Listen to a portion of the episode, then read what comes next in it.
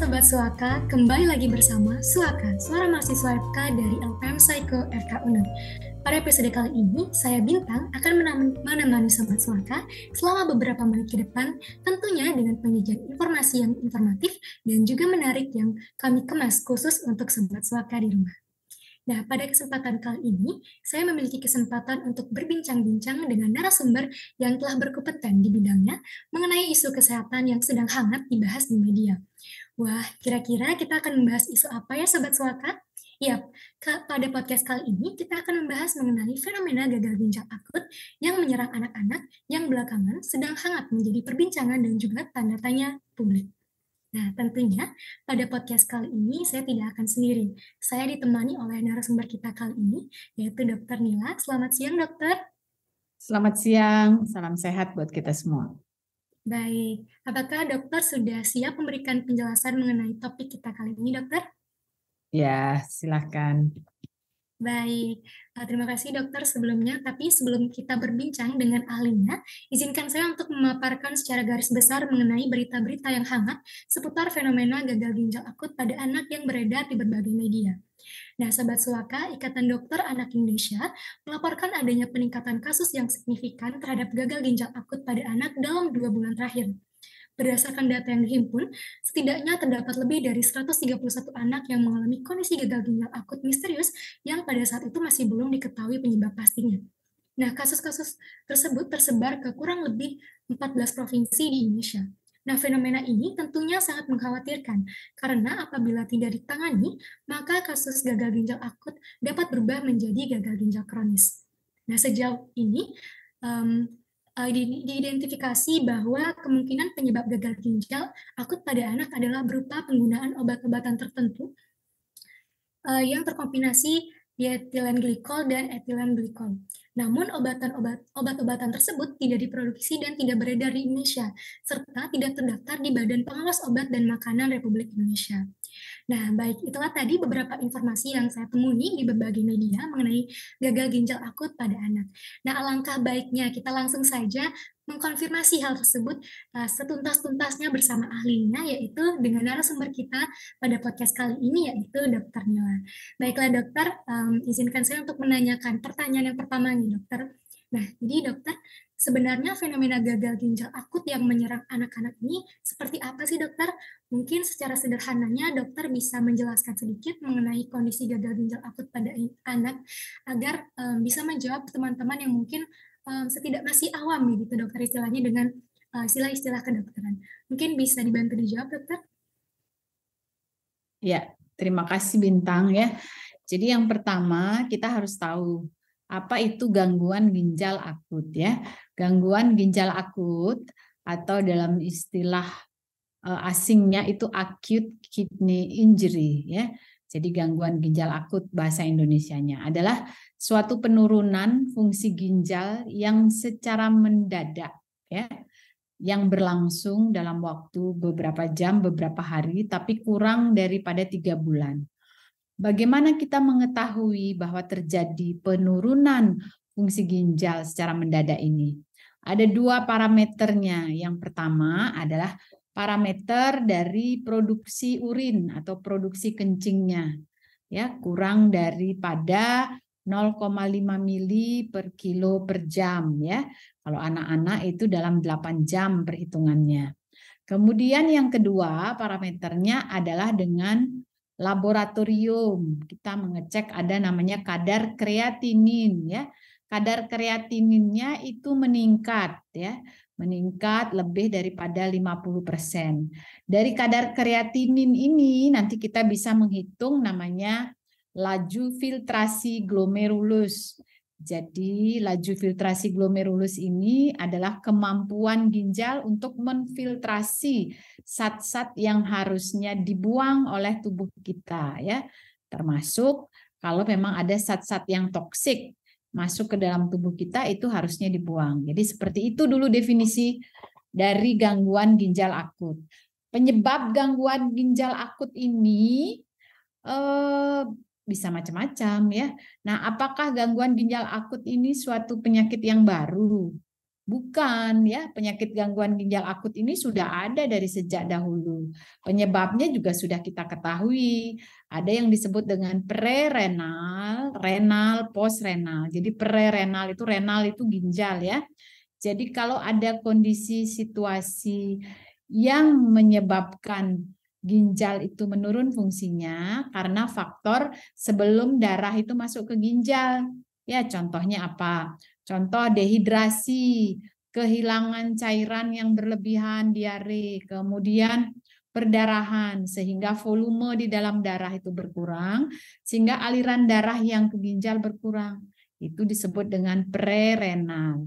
Nah, kalau renal berarti langsung obat-obatan yang menyebabkan gangguan ke ginjal atau suatu proses infeksi, inflamasi itu yang selama ini misalnya ada glomerulonefritis ya kemudian ada penyebab yang lainnya ya yang langsung di ginjal jadi batu di ginjal itu bisa. Kemudian post renal post renal itu berarti setelah ginjal kalau ada batu menyumbat di ureter kalau ada tumor itu bisa post renal nah itu dulu tentang aki ya eh, yang yang sudah kita ketahui kalau yang sekarang beredar itu adalah karena aki yang tidak diketahui penyebabnya kok tidak cocok dengan prerenal, renal maupun postrenal. Nah, seperti itu ya. Baik dokter, terima kasih atas penjelasannya dokter. Nah, uh, kita lanjut uh, saja ke pertanyaan berikutnya nih dokter. Tadi uh, sempat disinggung bahwa di berita itu ramai di, diberitakan bahwa penyebab dari fenomena gagal ginjal akut pada anak ini karena konsumsi obat-obatan tertentu. Nah, bisakah dokter memberikan penjelasan mengenai hal tersebut dokter dan siapakah sebenarnya yang kemudian bertanggung jawab akan hal itu dokter? Mungkin ya.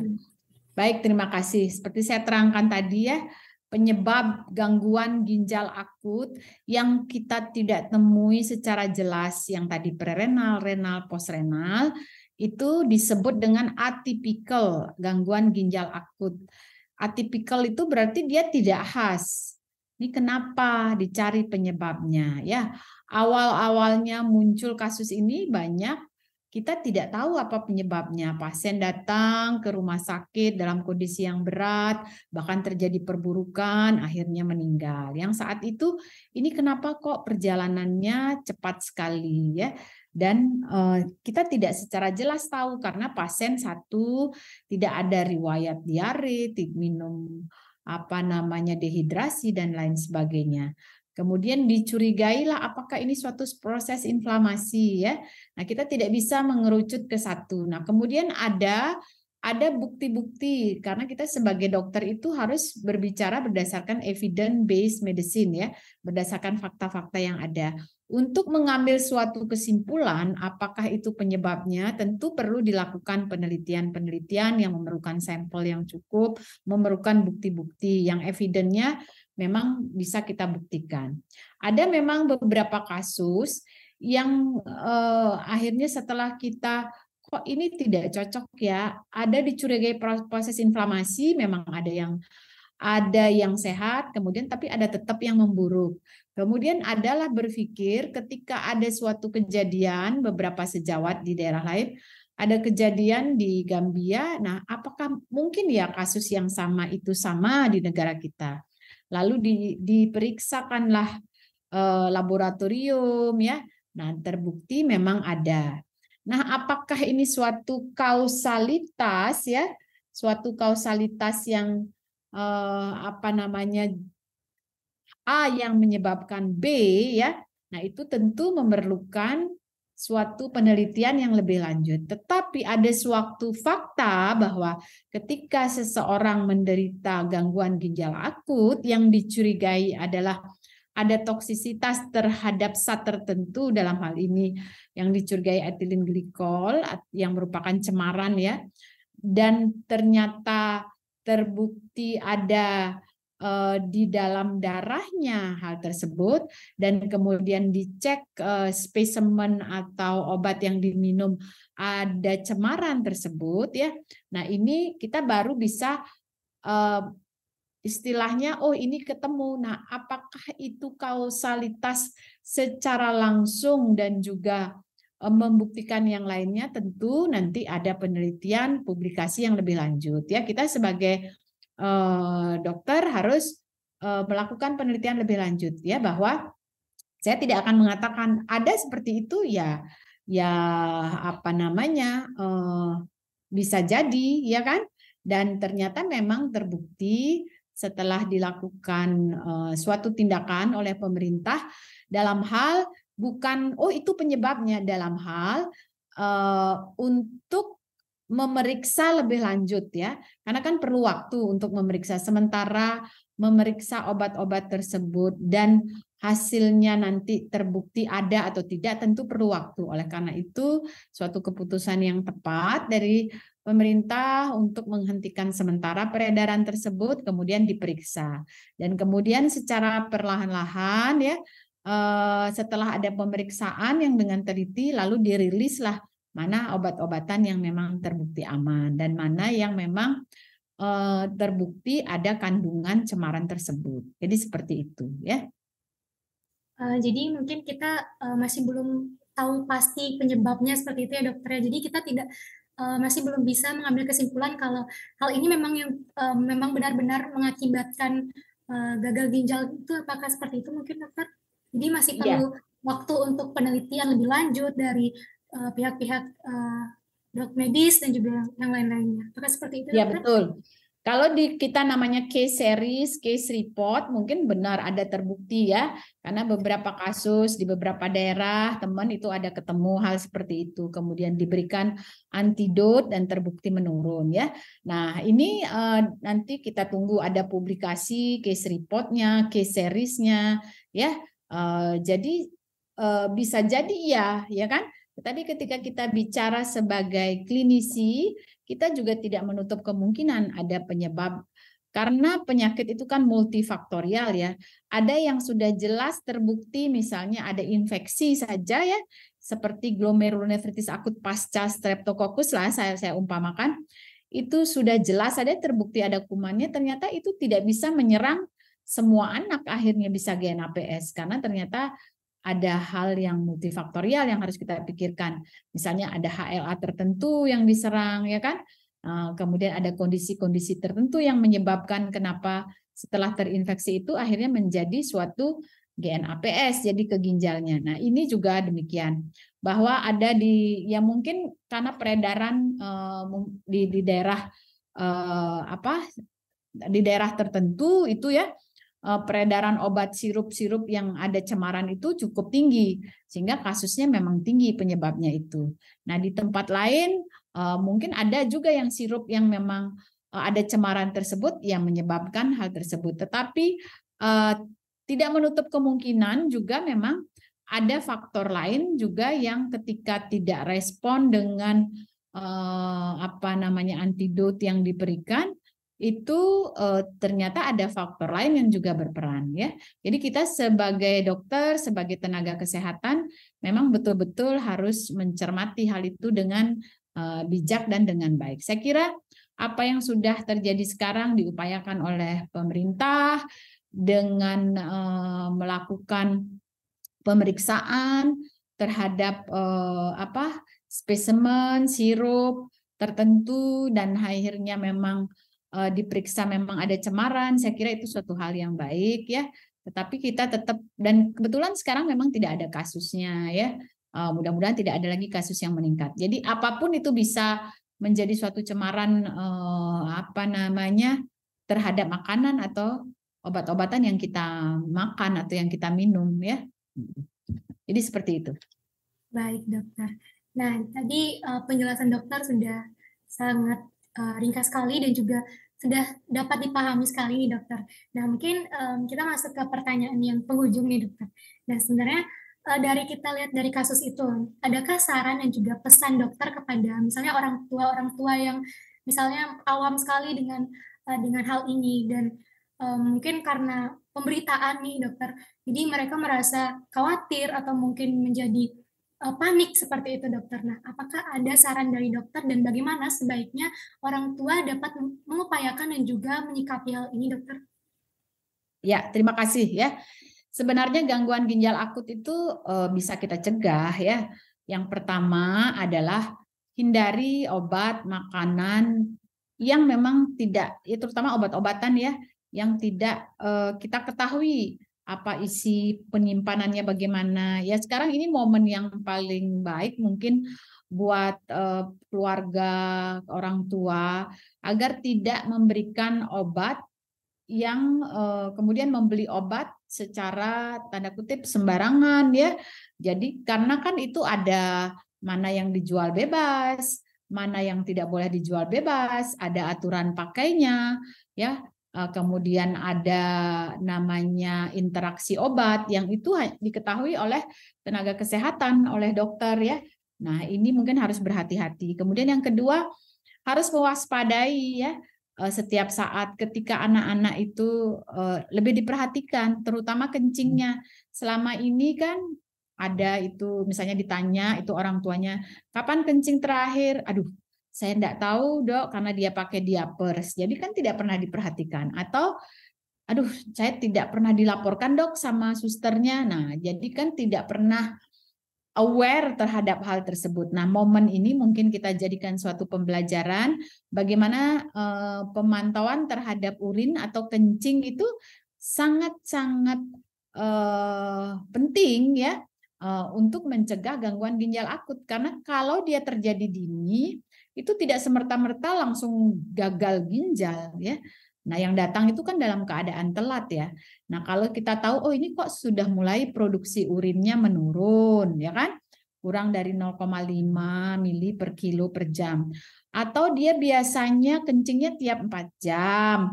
Kok sekarang ini sampai 8 jam, 9 jam kok belum kencing. Ya, nah ini harus diperhatikan. Nah, perhatikan juga ini blasnya apa fisika urinaria atau kandung kemihnya penuh apa tidak. Kalau dia penuh dan akhirnya kencing ya bukan. Tapi kalau memang memang produksi urinnya yang menurun, nah ini yang harus diperhatikan. Dicoba dulu, kasih minum yang mencukupi ya.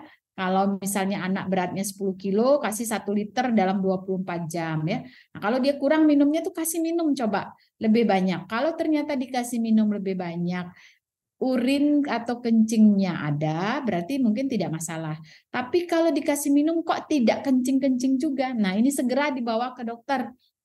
Ya, jangan ditunggu sampai gagal karena ada fasenya itu ya yang kita kenal ya mungkin rival ya rival kriteria atau ada dari Kadigo itu dengan stadium 1, stadium 2, stadium 3 namanya ya. Kalau dia dari rival itu singkatan sebenarnya ya. Singkatan itu risk, injury, failure, loss and stage ya. Kalau risk itu berarti dia produksi urinnya kurang dari 0,5 mili per kilo per jam dalam 8 jam. Kalau injury kurang dari 0,5 mili per kilo per jam dalam 16 jam. Kalau failure gagal, itu produksi urinnya kurang dari 0,3 mili per kilo per jam dalam 24 jam atau tidak kencing sama sekali dalam 12 jam, itu failure. Nah, kalau yang stadium kadigo tadi itu hampir sama ya, jadi eh, produksi urinnya itu kurang dari 0,5 mili per kilo per jam dalam 6 sampai 12 jam. Kalau stadium 2 kurang dari 0,5 mili per kilo per jam dalam atau lebih dari 12 jam. Failure-nya sama. Nah, selain dari urin bisa dipantau dari kadar kreatinin ya. Yang tadi kadar kreatinin kalau RIS itu nanti uh, dihitung clearance kreatinin atau bersihan kreatininnya ya dari laju filtrasi glomerulusnya.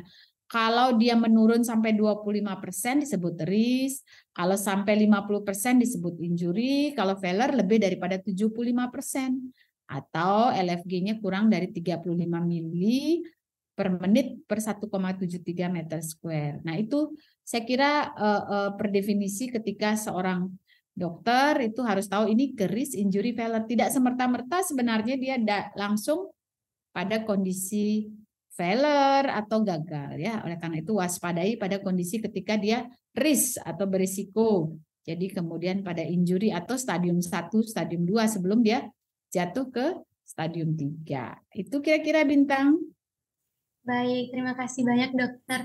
Nah, jadi Sobat Suaka, dari perbincangan kita tadi, um, saya dapat insight bahwa uh, seperti yang uh, media beritakan gitu, uh, penyebab dari gagal ginjal akut ini akan adalah karena obat-obatan tertentu. Namun dari penjelasan dokter tadi mungkin memang benar uh, ada beberapa ditemukan uh, disebabkan oleh obat-obatan tertentu. Namun uh, kita perlu ketahui juga bahwa gagal ginjal akut itu uh, bisa juga disebabkan oleh multifaktor seperti itu. Jadi uh, tidak hanya uh, obat-obatan tertentu tapi masih perlu penelitian lebih lanjut uh, yang dilakukan untuk mengungkap uh, kasus ini. Mungkin kemudian uh, tadi juga dokter sudah um, berpesan gitu kepada orang tua orang tua di luar sana, jadi lebih aware dengan anaknya, perhatikan uh, konsumsi obatnya dan juga perhatikan juga um, urinnya uh, urin anak-anak seperti itu. Mungkin um, baiklah itulah tadi perbincangan kami mengenai fenomena gagal ginjal akut yang terjadi pada anak. Nah, senang sekali rasanya dokter dapat berbincang lebih dalam mengenai hal tersebut bersama dokter Nila. Eh, sekali lagi saya ucapkan terima kasih banyak atas kesediaan dokter sudah berbagi ilmu bersama saya dan juga sobat Suaka di rumah pada podcast Suaka kali ini. Semoga dari perbincangan kita kali ini sobat Suaka dapat memetik manfaat dan juga menambah ilmu uh, sobat Suaka mengenai uh, kasus gagal ginjal pada anak. Nah, tak lupa juga saya mengucapkan terima kasih banyak kepada Sobat Suaka yang telah mendengarkan podcast ini sampai akhir. Sampai jumpa di podcast selanjutnya. LPM Psycho, be the first to know. Sekian dan terima kasih. Ya, terima kasih. Baik, dokter, terima kasih banyak ya dokter atas ya, kesediaannya.